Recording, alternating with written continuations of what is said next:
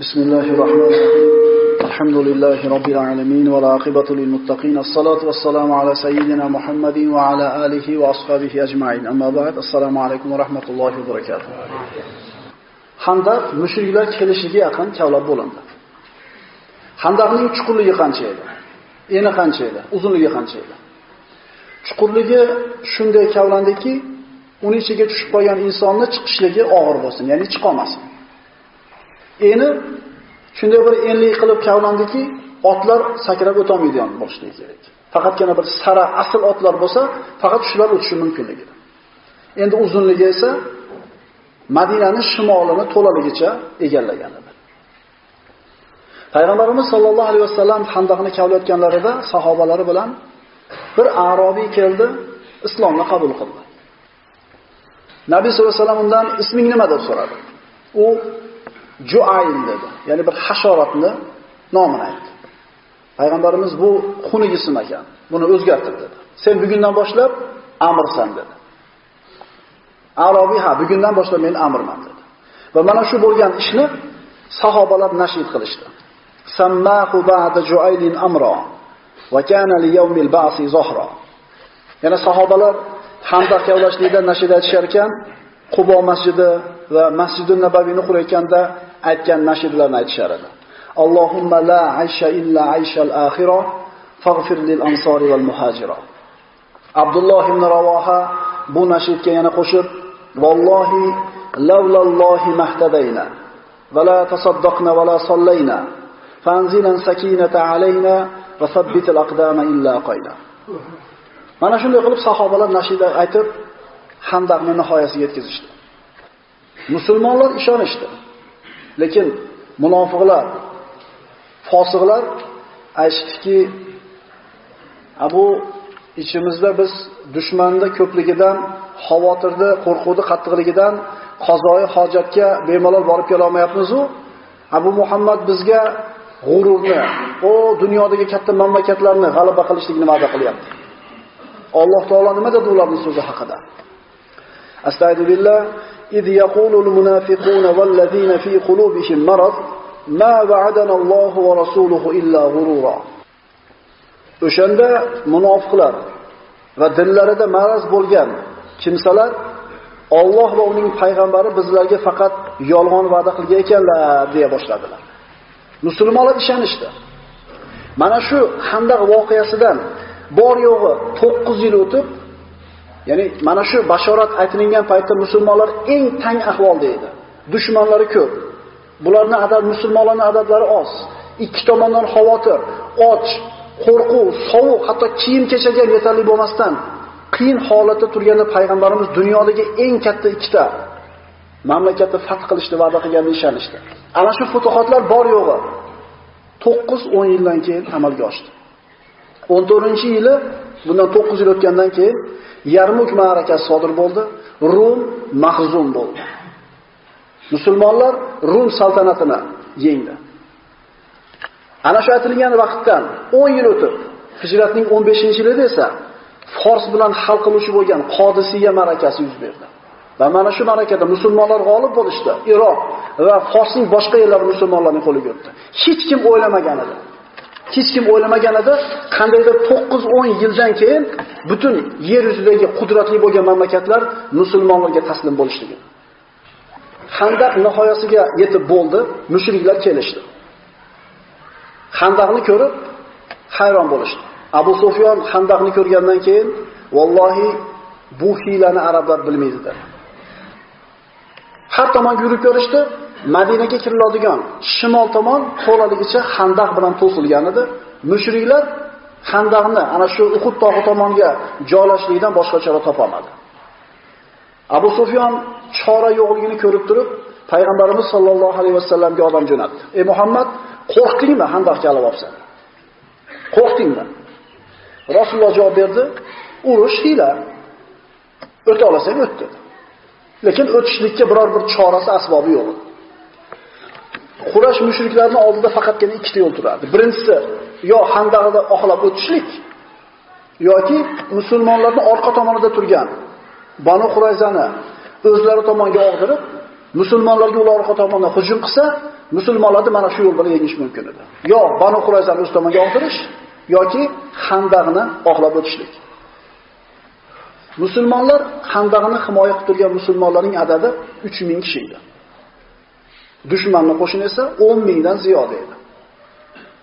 Ya'ni bunaqa katta adatdagi qo'shin musulmonlarni Handaqda bir tomonida ovora qilib turib, ikkinchi tomonidan o'tib ketishligi mumkin edi. Shuning uchun Rasululloh sollallohu alayhi vasallam 3000 kishiga tinimsiz ravishda, tinimsiz ravishda Handaqning hamma qismini qo'llab turishini buyurdi. Abu Sufyon nima ish qilish haqida fikr qildi. Chunki Handaqdan oqlab o'ta olmayapti. Demak, yagona chora qolyapti. Banu Qurayza yahudlarini payg'ambarimiz bilan qilgan sulhiga xiyonat qilib, musulmonlarga hujum qilishlikka ko'ndirishlik kerak edi.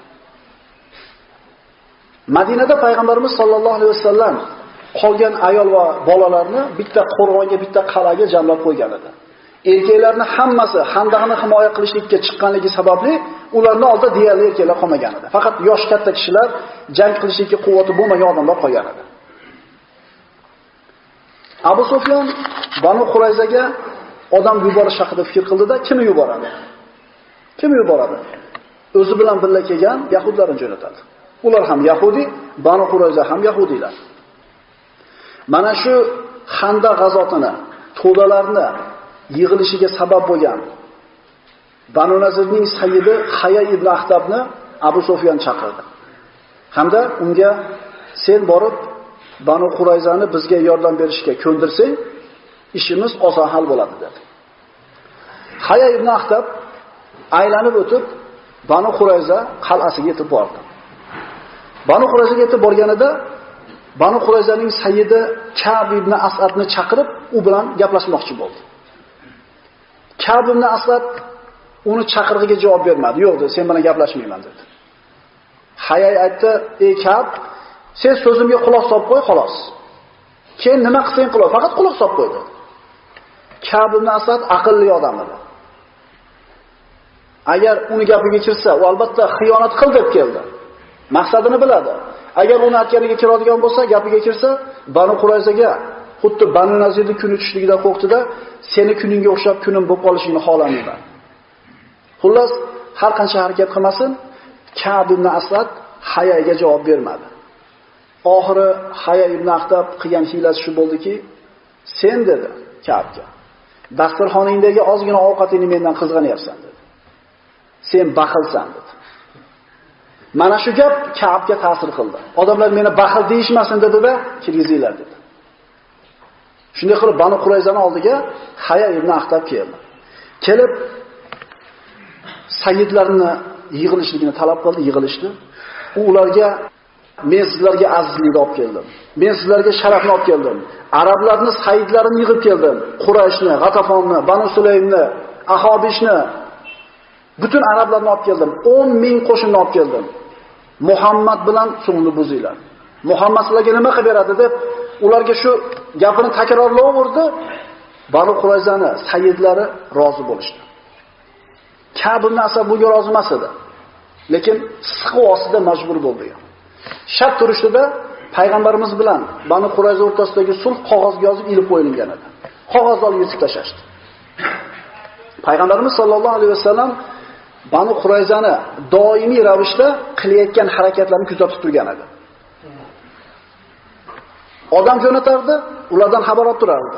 Bu safar payg'ambarimiz Sa'd ibn Muoz va Sa'd ibn Uboda roziyallohu anhu ansorlarning sayyidlari. Sizlar boringlar, Banu Qurayzadan xabar olib kelinglar. Agar ular ahdini buzmasdan turishgan bo'lsa, ya'ni ular va'da berishgan edi. Orqa tomondan xotirjam bo'ling Muhammad, biz senga qarshi qanday harakat qilmaymiz deyshgan edi. Agar shu ahdida turgan bo'lsa, kelib ochiq e'lon qilinglar, hamma eshitsin dedi. Yo agar xiyonat qilgan bo'lsa, menga bir kelib bir ishora qilinglar, men tushunib olay shu ishoradan. Bu ikki ansoriy Banu Qurayzani yeriga borganida, ular bilan so'zlashmoqchi bo'lganida Banu Qurayza yahudlari bularni qattiq haqorat qilishni boshladi. Shunda o'rtamizda ahd bor, kelishuv bor, sulh bor dedi. Hech qanday ahdam, aqdam, sulh ham yo'q ishdi. Xiyonat qilganliklarini ochiq aytishdi. Sa'd ibn Uboda roziyallohu anhu chidamadida, ular ham so'kishni boshladi. Sa'd ibn Mos, "Ey Sa'd, to'xtang" dedi. Endi bular bilan biz o'rtamizda bo'ladigan ish so'kishlik bilan tutmaydi dedi. Ya'ni xiyonat qilishdimi? Endi so'kishlik bilan ish bitmaydi dedi. Rasululloh sollallohu alayhi vasallam oldiga qaytib kelishdi ikki sahoba. Endi xiyonatni aytish kerak. Payg'ambarimiz shunday aytganki, agar sulhda turgan bo'lsa, e'lon qilinglar. Agar xiyonat qilishgan bo'lsa, ishora qilib qo'yinglar dedi. Bu sahobalar nima qilishdi? Payg'ambarimiz sollallohu alayhi vasallam qanday xabar bilan keldilar dedi. Adl va qora ya Rasululloh. Adil va qora ya Rasululloh. Ya'ni avvalgi darslarimizda aytib o'tdik. adil va qora ikkita kofir qabilalar musulmonlarning ichidan sahobalarni oldab olib ketib qatl qilishgan edi. Ya'ni musulmon bo'ldik deb bu sahobalarga omonlik berdi deb va'dalarni berib turib xiyonat qilgan edi. Ya'ni adil va qora ya Rasululloh, ya'ni xiyonat dedi. Payg'ambarimiz buni eshitib turib Allohu akbar, abshiru bin nasr. Allohu akbar, g'alaba muborak bo'lsin dedi sahobalarga. Ko'pchilik tushunmadi. Xabar. Chunki Rasululloh Allohu akbar deyaptimi? Demak, ular ahdida turib tikan degan tushunchaga bordi. Lekin bu xabar uzoq turmadi maxfiy. Fosh bo'lib ketdi. Banu Qurayza orqadan xiyonat qilganligi musulmon qo'shini o'rtasida yoyilganidan keyin bu juda bir salbiy, qattiq bir ta'sirni ko'rsatdi. Payg'ambarimiz sollallohu alayhi vasallam oldida turgan munofiqlar kelib yo Rasululloh, uyimiz orqa tomoni ochiq edi. Inna buyutana avro. Shu orqa tomondan hujum bo'lib qolsa, ayollarimizni, bolalarimizni himoya qilishimiz kerak. Ruxsat bering dedi, payg'ambarimiz javob berardi. Ularni ketganligidan ta'sirlanib, juda ko'pchilik musulmonlar ham ketib qolishdi. Banu Qurayzani qilgan bu xoinona ishini oqibatida payg'ambarimizni oldida turgan 3000 askardan 2700 tasi qaytib ketdi. 10dan 9i qaytib ketdi. Payg'ambarimiz bilan Xandaqda oldi bor yo'g'i 300 ta sahoba qoldi. Banu Qurayza xiyonat qilganidan keyin birinchi qilmoqchi bo'lgan ishi Madinada qolgan ayol va bolalarni asir qilib olib kelmoqchi bo'lishdi. Chunki bilishar edi, erkaklar hammasi o'sha Handaqda himoyasida. Ayollarni va bolalarni to'plab qo'ygan bir qal'ani ham bilishar edi.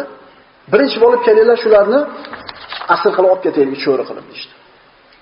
Bir qancha josuslarni ana shu qal'a tomonga qarab jo'natishdi. Bu josuslar qal'a yaqin joyga kelishdida ichidan bitta odamni jo'natishdi. Borib bilibki, erkaklar bormi, yo'qmi. Bu josus sekin berkinib ketayotganda uni qal'ada turgan payg'ambarimizning ammasi Sofiya bint Abdul Muttolib roziyallohu anha ko'rib qoladi. Ya'ni kelyapti. Agar hozir kelib qo'rg'onda himoya qiladigan erkaklar yo'qligini bilsa, hujum qilib olib ketishligini bildi. Va shoshilib pastda turgan payg'ambarimiz sollallohu alayhi vasallamning shoiri Hasson ibn Sobitni oldiga tushdi. 70 dan o'tib qolganda u kishini yoshi. "Ey Hasson" dedi. "Uni josus qatl qildi. Agar qatl qilmasang, xabarni bilib ketadigan bo'lsa, musibat bo'ladi" dedi. Hasson roziyallohu anhu qari odam edi. Men dedi, jang qila olmayman, qarib qoldim, kuchim yetmaydi dedi. Shunda mana shu sahobiya ayol urush libosini kiydi, belini mahkam chiydi va qo'liga katta bir ustunni olib, ana shu josus keladigan yo'lda poylab berkinib turdi. Haligi josus sekin berkinib kelyapti, to'satdan shunday yashiringan joydan chiqdi-da, qo'lidagi so'yil bilan boshiga bir chopdi. Josus yiqilib tushdi. Xanjarni oldida boshini tanasidan shunday ajratdi, kallasini bu yoqqa sudradi. So'ngra qal'ani ustiga chiqib turib, sheriklarini kelishini kutib turgan yahudiylar qarab kallani shunday uloqtirdi. Kalla ularni oldiga tushganda ular ha, qal'ada to'ldir erkaklar bor ekan dedi. Va ayollarga hujum qilishlikdan, bolalarga hujum qilishlik fikridan qaytib ketishdi. Mana shu sahobiy ayolni qilgan qahramonona ishi bilan Madinadagi ayol va bolalar omonda qolishdi. Ya'ni o'zida bo'lgan bir shijoat borki, o'g'li Zubayrga bergan bu ayol. Zubayr ibn Avvomni tarbiya qilgan onasi edi. Shuning uchun bolalarni onalari tarbiya qiladi. Qamal og'irlashdi. Chunki 3000 ta odamning 2700 tasi ketib qolgandan keyin albatta musulmonlarga bu holat og'iradi. Mushriklar har qanaqasiga Handaqdan oqlab o'tishga harakat qilishdi, musulmonlar esa qaytarib turishar edi. Holat nihoyatda og'ir bo'ldi musulmonlarga. Birodarlar, chunki oldida 10 ming qo'shin ularni ro'parasida bor yo'q 300 odam turibdi. Bular qorni och, adablari oz, sovuq, qo'rquv ikki tomondan orqadan Banu Qurayza hujum qilishi mumkin. Bu shunday bir tang, qiyin holat bo'ldiki, Alloh taolo bu haqida oyatlar nozil qildi. Astagfirullah, izja'ukum min fawqikum va min asfala minkum va idzaghatil absor va balagatil qulubul hanajir va tazunnuna billahi zununa. O'shanda ular sizlarning yuqori tomoningizdan ham sizlardan quyiroq tomondan ham bostirib kelgan edilar o'shanda ko'zlar tinib yuraklar bo'g'izlarga tiqilib qolgan va sizlar Alloh haqida turli gumonlar qila boshlagan edinglar ya'ni ko'zlar tingan qo'rquvdan, yuraklar bo'g'izga tiqilib qolgan. Bu oyatlarni mazmunini, bu oyatlarning haqiqatini shu joyda turgan sahobalar yaxshi bilishgan. Eng qiyin holat bo'ldi. Va har qancha qiyin bo'lmasin, orqasiga qaytdi birodarlar. xohlagan paytda mushriklar bu yoqqa o'tishligi mumkin fursat bo'lib qolsa va xohlagan lahzada orqadan Banu Qurayza hujum qilishligi mumkin. Musulmonlar qaysi tomondan musibat kelishligini bilmasdan xavotir, qo'rquvda turardi. Bir necha kun davom etdi mana shunday bir holat. So'ngra mushriklarning bahodirlaridan, pahlavonlardan 5 kishi asl otlarni mingani, sara otlarni minishganida Xandaqda tor joyni topishdida, oxlab musulmonlar tomonga o'tishdi. 5 tasi. Bular Ikrimat ibn Abi Jahl, Amr ibn Wud, Nawfal ibn Abdullah ibn Muawiya, Baror ibn Hattob va Xubayro ibn Abi Wahblar. Beshalasi ham mushriklarni bahodirlari, pahlavonlari. Musulmonlar tomonga o'tishdi, man yubarif. Kim jang qiladi? Yakkama-yakka kim chiqadi dedi. Birinchi bo'lib mushriklarning pahlavonlaridan Amr ibn Wud oldiga chiqdi. Chiqib turib, kim chiqadi yakkama-yakkaga dedi. Musulmonlar, "Sen kimsan?" deb so'rashganida Amr ibn Wudman dedi. Hech kim chiqmadi. Payg'ambarimiz sollallohu alayhi vasallam kim unga qarshi chiqadi dedi. Hech kim chiqmadi. Amr ibn Wud johiliyatdagi yengilmagan jangchilardan edi. Yoshi deyiladi, 80 ga kirgan 3 kunda. Ana shu kuni 80 ga kirgan, lekin quvvatni cho'qqisi deydi. Odamlar faqat ismidan qo'rqib qochishar edi, jang qilishligidan emas. Nomini aytsa odamlar qo'rqar edi. Hatto musulmonlarning bahodirlari ham chiqishlikdan, uni mahoratidan, uni mohirligidan qo'rqishdi. Amr ibn Udman dedi. Payg'ambarimiz man yakhruj lahu dedi. Kim unga qarshi chiqadi? Ali ibn Abi Talib, men yo Rasululloh dedi. 24 yo 25 yoshda edi. Va urushdan bir ko'p ham mohir emas. Payg'ambarimiz yoshi ulug'roq, jangda bir mohirroq bo'lgan odamni chiqishligini kutdi. Ikkinchi marta payg'ambarimiz man yahruj lahu dedi. Ali roziyallohu anhu men yo Rasululloh dedi. "Ey Ali o'tiring" dedi. Uchinchi marta payg'ambarimiz man yahruj lahu kim chiqadi unga qarshi dedi. Uchinchi marta ham Ali men yo Rasululloh dedi.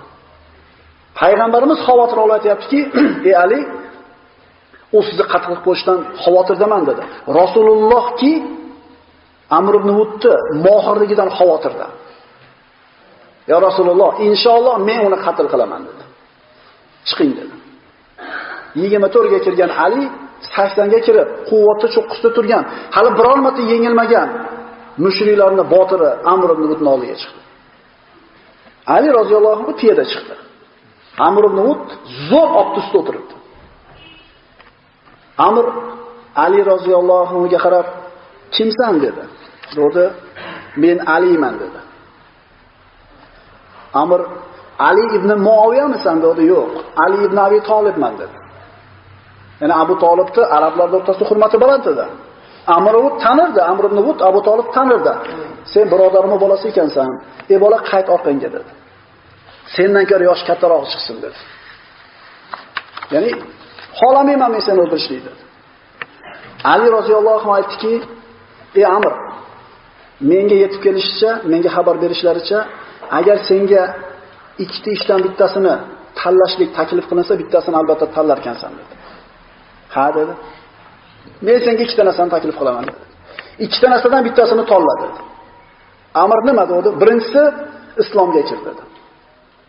Allohdan o'zga iloh yo'q va Muhammad uning payg'ambari ekanligiga guvohlik berdi. Shu o'rinda ham da'vat. Amr ibn Ut aytdi, menga bu narsani hojati yo'q. Men kerak emas. Ikkinchisini aytdi o'di. Ikkinchisini dedi, an-nizal dedi. Men bilan urush dedi. Amr ibn Ut aytadi, biron kimsa deydi, mendan qo'rqmasdan meni yakkama-yakka olishga chaqiradi.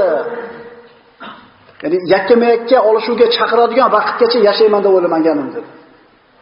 Ya'ni hech kim uni yakkama-yakkaga chaqirmas edi. Bunaqa gapni eshitaman deb o'ylamadim dedi-da, shart otidan tushdi, qilichi bilan otini bir urib cho'q tashladi. Nima uchun? Ali piyoda kelgan edi. Ha bu otda o'tiribdi. Jang qilsa to'g'ri bo'lmaydi. Ya'ni izzat nafsi g'ururi balandligidan otini bir urib cho'q tashladi-da, ikkalasi ham bir-biriga teng bo'ldi. Ikki qo'shin qarab turibdi. Handaqda bu tomonida musulmonlar tomonida Ali bilan Amr o'rtasida jang boshlandi. Ali roziyallohu anhu ustiga Amr ibn Ud qilichini ko'tarib shunday bir qattiq zarba berganida Ali roziyallohu anhu qalqonini qo'ydi. Qalqonni zarba qattiqligidan bo'lib tashladi. Ali roziyallohu anhu orqaga ketdi. Ali qalqonsiz qoldi. So'ngra Amrni atrofida aylanishni boshladi. Aylandi, aylandi, ikkalasi bir-biriga tashlanib, shu chang ko'tarildi. Shu darajada bir qattiq jang bo'ldiki, shiddatli chang ko'tarilganligidan ikkalasi ko'rinmaydi, chang ichida qolib ketishdi. Mushriklar ham ko'rmayapti, musulmonlar ham ko'rmayapti. Mana shunday bir shiddatli jang bir soat davom etdi. Va hamma kuzatib turdi, qani chang tugaganda nima bo'ladi? Shu payt changni ichidan Allohu akbar degan takbir eshitildi. Payg'ambarimiz eshittirib Allohu akbar dedi payg'ambarimiz ham. So'ngra Ali roziyallohu anhu Amr ibn Wudni mushriklarni eng nomi chiqqan qahramonini qatl qilib chiqqan. Shunda Amr bilan bu yoqqa o'tgan to'rtta pahlavoni Amirni o'lganini ko'rganidan keyin Xandaqdan qochib orqaga qaytishga harakat qilib qoldi. Uchtasi ulgib o'tib ketdi Xandaqdan qulab To'rtinchisi Nafal ibn Muaviya. U ham qochishlikka harakat qilib qoluvdi. Zubayr ibn Avom roziyallohu anhu yetib bordida otida yelkasiga qilich bilan shunday zarba urdiki, zarbani qattiqligidan yelkaga tushgan qilich otni egariga borib to'xtadi. Mushrikni ikkiga bo'lib tashladi. Muborazaga hech kim o'tmadi. Shundan keyin payg'ambarimiz sollallohu alayhi vasallam oldiga mushriklar odam jo'natishdi. "Ey Muhammad, Amr ibn Ud bilan Nafal ibn Muoviyani jussalarini bizga qaytarib bersanglar, sizlarga 10 ming kumush beramiz" deydi. Yana bu ikki kishi nihoyatda bir hurmati baland edi bular ichida. Payg'ambarimiz aytdi: "Nahnu qawmun la na'kulu samanal mauta." Biz o'liklarda pulini yeydigan qavm emasmiz. Olib ketinglar dedi. Olib borib Xandaqqa tashashdi. Hamda ruxsat berishdi, Xandaqdan ikkalasini ko'tarib ketishdi. E'tibor bering. Musulmonlar faqir, musulmonlar och, musulmonlar iqtisodiy qiyinchilik holatda bo'lsa ham 10 ming kumushni beramiz desa, o'likni pulini biz yemaymiz deb qaytarib berdi. Ya'ni musulmon odamning izzat nafsi qanday bo'lishi kerak, taqvosi qanday bo'lishi kerak? Mana shunday holatda payg'ambarimiz olmayapti. ozgina bir qiyinchilik deb haromga qo'lini urib qo'yayotgan, 3-4 so'm kerak bo'lgan paytda protsentga pul olib qo'yayotgan, yo qandaydir bir harom tijoratga qo'l urib qo'yayotgan aka-ukalarimizga aytamizki, rizqingizda bo'lsa o'sha 10 ming so'm keladi. Haromga uzatsangiz ham, halolga uzatsangiz ham. Payg'ambarimiz sollallohu alayhi vasallam mushriklarning birligini sindirmoqchi bo'ldi. Chunki bir qancha qabilalar yig'ilib kelgan, shularda agar birligiga bir zarba bera olsa, musulmonlarga yaxshi bo'ladi. Rasululloh mushriklar tomonga odam jo'natib, G'atafon sayyidlarini payg'ambarimiz oldiga bir kelishligini talab qildi. Maxfiy suratda. Mushriklar 10 mingta bo'lsa, mana shu 10 mingta qo'shinning 4 mingi, 4 mingi G'atafon qabilasidan. Deyarli qo'shinning yarmi. Agar bularni uylariga qaytarib olishlikka payg'ambarimiz yo'l topsa, demak dushmanning yarmi yo'q bo'ladi. G'atafon sayyidlari xo'p deyishdi va Handaqqa tushib hech kimga bildirmasdan kelishdi. G'atafon sayyidlari, Uyayna ibn Hisn va boshqalar. Rasululloh sollallohu alayhi vasallam ularga sizlar Madinani tashlab qaytib ketinglar orqanglarga dedi. Uyayna aytdi, "Xo'p, shunday qilamiz. Nima berasan bizga?" Payg'ambarimiz aytdilar, "Men sizlarga Madina xurmosini 1 yillik hosilini 4 dan birini beraman" dedi. Ya'ni katta miqdordagi bu boylik edi. Uyayna aytdi, "Yo'q" dedi. "Hammasini berasan" dedi. Payg'ambarimiz sollallohu alayhi vasallam bunga ko'nmadi. O'zi asli g'atafonliklar o'lja deb kelgan. Endi agar o'lja jangi jadasi shunday berilsa, ayni muddao. Undan tashqari handaqdan o'tisha olmayapti, hech narsa qilisha olmayapti yani. Shuning uchun rozi bo'lishdi. Hammasini berasan dedi. Payg'ambarimiz ulamadi. Xullas, bir qancha bir tortishuvlardan keyin payg'ambarimiz sollallohu alayhi vasallam bir yillik xurmoni mevasini, hosilini yarmini berishlikka rozi bo'ldi. G'atafonliklar rozi bo'lishdi shu haq evaziga. So'ngra payg'ambarimiz aytdilar, bu ittifoqimizning bitta sharti bor. Ansorlarning roziligini so'rab qo'yishimiz kerak. Chunki xurmo ansorlarning bog'idan olinadi. Payg'ambarimiz sollallohu alayhi vasallam ansorlarning sayyidlari Sa'd ibn Muoz va Sa'd ibn Ubodalarni chaqirtirdi.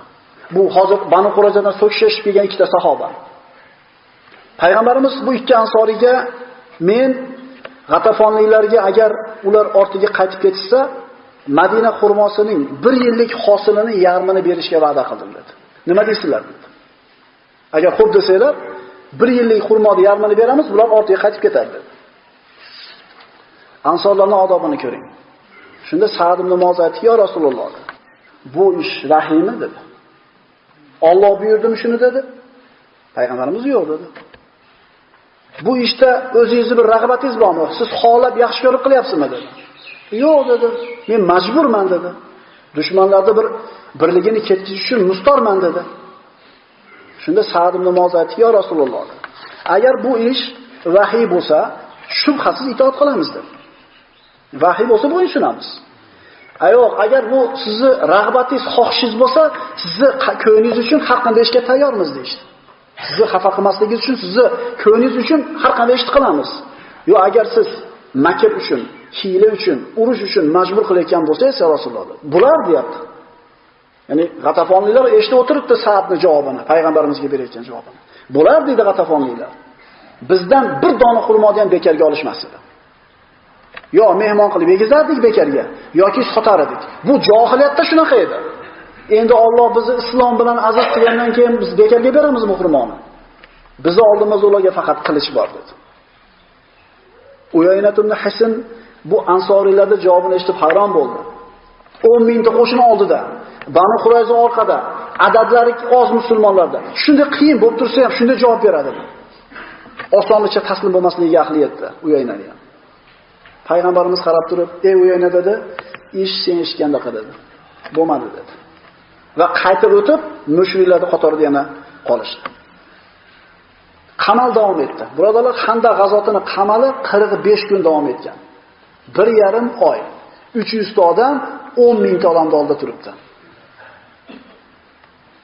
Har qanaqasiga o'tishga harakat qilishar edi, musulmonlar qaytarib turishdi. Musulmonlar charchaganlari borib damini olar edi, boshqa odam o'rnini egallardi. Hatto ba'zilari uyiga borib kiyimini almashtirib kelib, yaxshiroq tayyorgarlik ko'rib qaytib kelar edi. Sa'd ibn Muoz roziyallohu anhu uyiga borib, kiyim kiyimini almashtirib qaytib kelaman deb borganida Oysha roziyallohu anha ko'radi u kishini. Qarasa ustida kiygan sovuti mustahkam pishiq bo'lmaydi. Ko'hrak qismi ochiq qolgan bo'ladi. Oysha onamiz aytadiki, shu shu yerdan bir xavotirdaman-da dedi. Haqiqatdan Sa'd namoz qaytib keldi, kamon otishlik boshlandi ikki tomondan, ayni ochiq turgan ko'hriyaga kamon o'q kelib sayildi. Payg'ambarimiz sollallohu alayhi vasallam oldiga olib kelishganida Rasululloh qo'li bilan sug'urib tashladi, qon otilib chiqishni boshladi jarohatdan.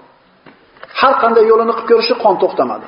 So'ngra payg'ambarimiz temirni oldi, o'tga solib qizitib turib, ko'hriyaga bosib kuydirib yarasini to'xtatdi qonini.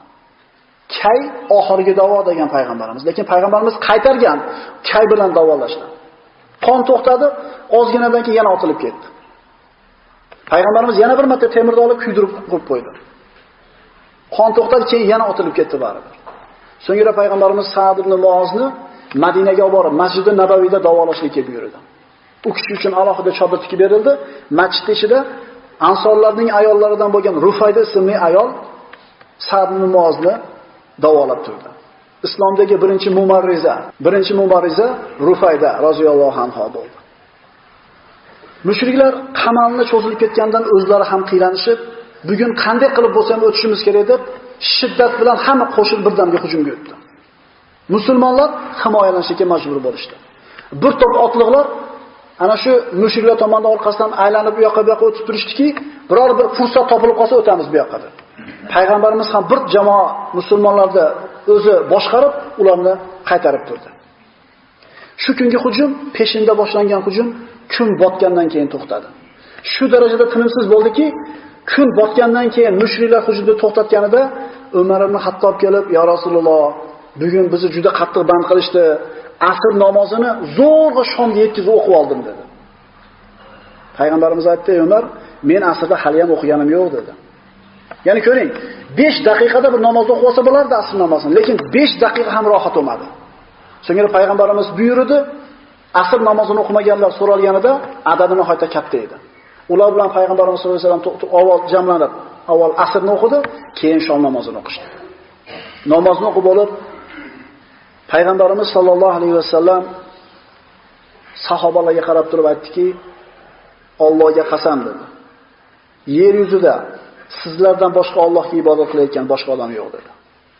So'ngra payg'ambarimiz duo qildi. Allohumma astur avratina va amin rawatina.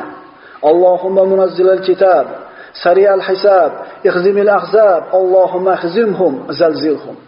Mana shu duosidan keyin Alloh taoloni nusrati keldi. Mana shu duodan keyin Alloh taolo nusrati keldi. Payg'ambarimiz sollallohu alayhi vasallam ko'ring, dushmanni to'sishlik uchun xandaqni qazibdi. 300 odam bilan tinimsiz 45 kun himoya qilib turdi. Keyin duosini qilyapti. Ya'ni sabab ham qilinyapti. Duo ham qilinyapti. Odamlarning hayotini qarasang, bittasini qilayotganini ko'rasan. Yo sababini qilib Alloh bilan ish olmay qo'ygan, faqat mehnat qilayotgan. yoki duo qilib umuman o'tirib olganini ko'rasan. Payg'ambarimiz sollallohu alayhi vasallam ibratsiz bilan bizga insoniy sababda hammasini qilib turib duo qilyapti payg'ambarimiz sollallohu alayhi vasallam. Va duo ijobat bo'ldi. Naim ibn Mas'ud mushriklar bilan Qurayshdan kelgan musulmonlarga qarshi kelgan mushrikni qalbiga Alloh taolo shu vaqtda iymonni soldi. 45 kundan beri urushyapti kelib. Alloh taolo o'zi biluvchi zot. Birodalar, qanday qilib nusrat beradi o'zi biladi. Dushmanning ichidan bitta odamga qalbiga iymon berdi. Bu Naim ibn Mas'ud agar esimizdan chiqmagan bo'lsa, Uhud g'azotiga sabab bo'lgan xabarni shu kishi aytgan edi.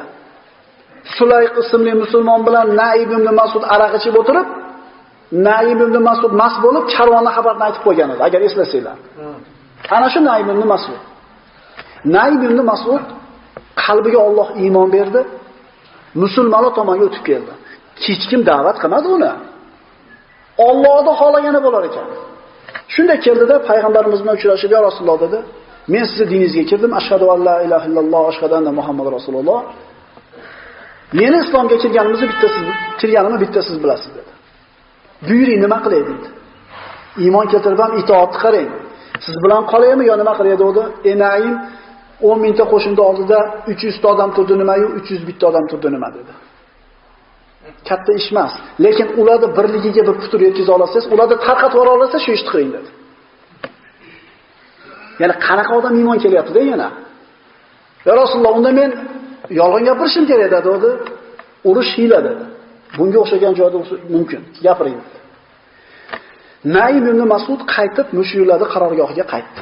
Naim ibn Mas'ud Qurayshning ichida hurmatli kishi edi. G'atafonda ham hurmati baland edi, hamda Banu Qurayza bilan bordi keldisi bor edi. Tez-tez Banu Qurayzaning oldiga borib kelardi. Mushriklarning qarorgohida tongini turib, Banu Qurayza tomonga aylanib o'tdi. Banu Qurayzaning oldiga bordi, sayyidlarning yig'ilishini talab qildi. Yig'ilishdi, Naim aytdi. Meni kimligimni bilasizlar dedi. Bilamiz deyishdi. Muhammadga bo'lgan adovatimni ham bilasizlar dedi. Ha, shubha qilmaymiz bunda dedi. Sizlarga bo'lgan do'stligimni ham bilasizlar dedi. Ha dedi. Nimaga bu gaplarni aytyapsan? Naim aytdi, qavm dedi, ya'ni ona 10 mingta qo'shin, mushriklar. Madinani fath qilishidan noumid bo'lishdi. Ya'ni 45 kunda ola olmayapti. Endi orqaga qaytib ketishmoqchi ular dedi. Agar qaytib ketsa, sizlar Muhammad bilan yolg'iz qolasizlar dedi. Muhammad bilan yolg'iz qolsanglar, Muhammadga qarshi quvvatlar yetmaydi dedi.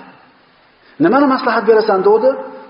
Naim aytdiki, sizlar o'zingizlarga bir kafolat bo'lish uchun Qurayshning 10 ta bir sayyidlaridan o'zingizlarda oldingizda turishini talab qilinglar. Shunda tashlab ketmaydi ular sizlar dedi.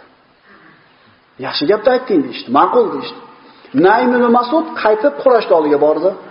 Bitta odamni qilayotgan ishi. Qurayshni sayyidlarini yig'ilishlikni talab qildi, hammasi yig'ilishdi. Nima deysan dedi?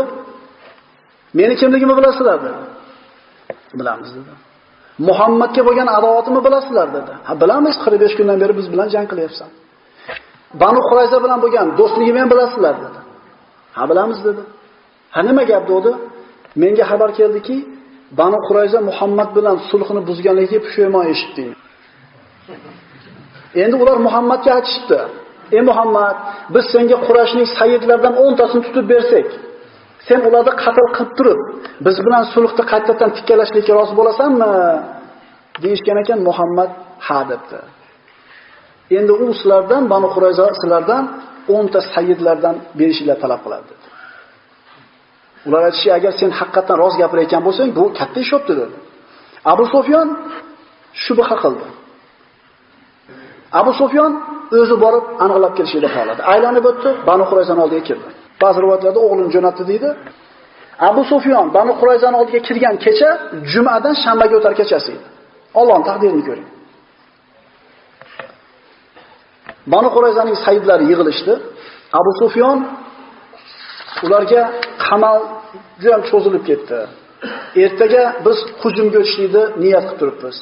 Biz u tomondan shimoldan, sizlar janub tomondan hujum qilinglar, Muhammadni ishini bir yo'li qilamiz.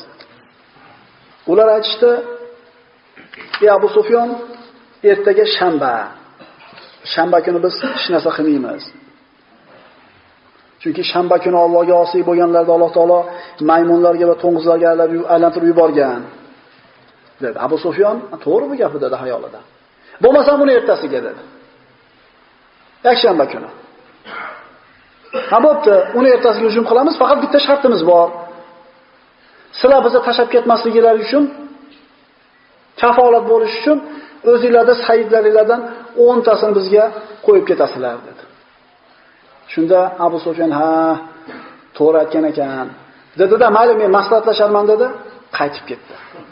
Naim ibn Mas'udni mana shu qilgan hilasi bilan mushriklar bilan Banu Qurayza o'rtasidagi ittifoq buzildi. Agar Abu Sufyan aytgandek ikki tomondan teng hujum qilinganida musulmonlarga haqiqatda katta musibat bo'lgan bo'lardi. Nabiy sollallohu alayhi vasallam bu narsani xabarni eshitib, qalbi bir oz xotirjam bo'ldi, lekin حال حتر ترجعنا أقول قولي هذا وأستغفر الله لي ولكم. السلام عليكم ورحمة الله وبركاته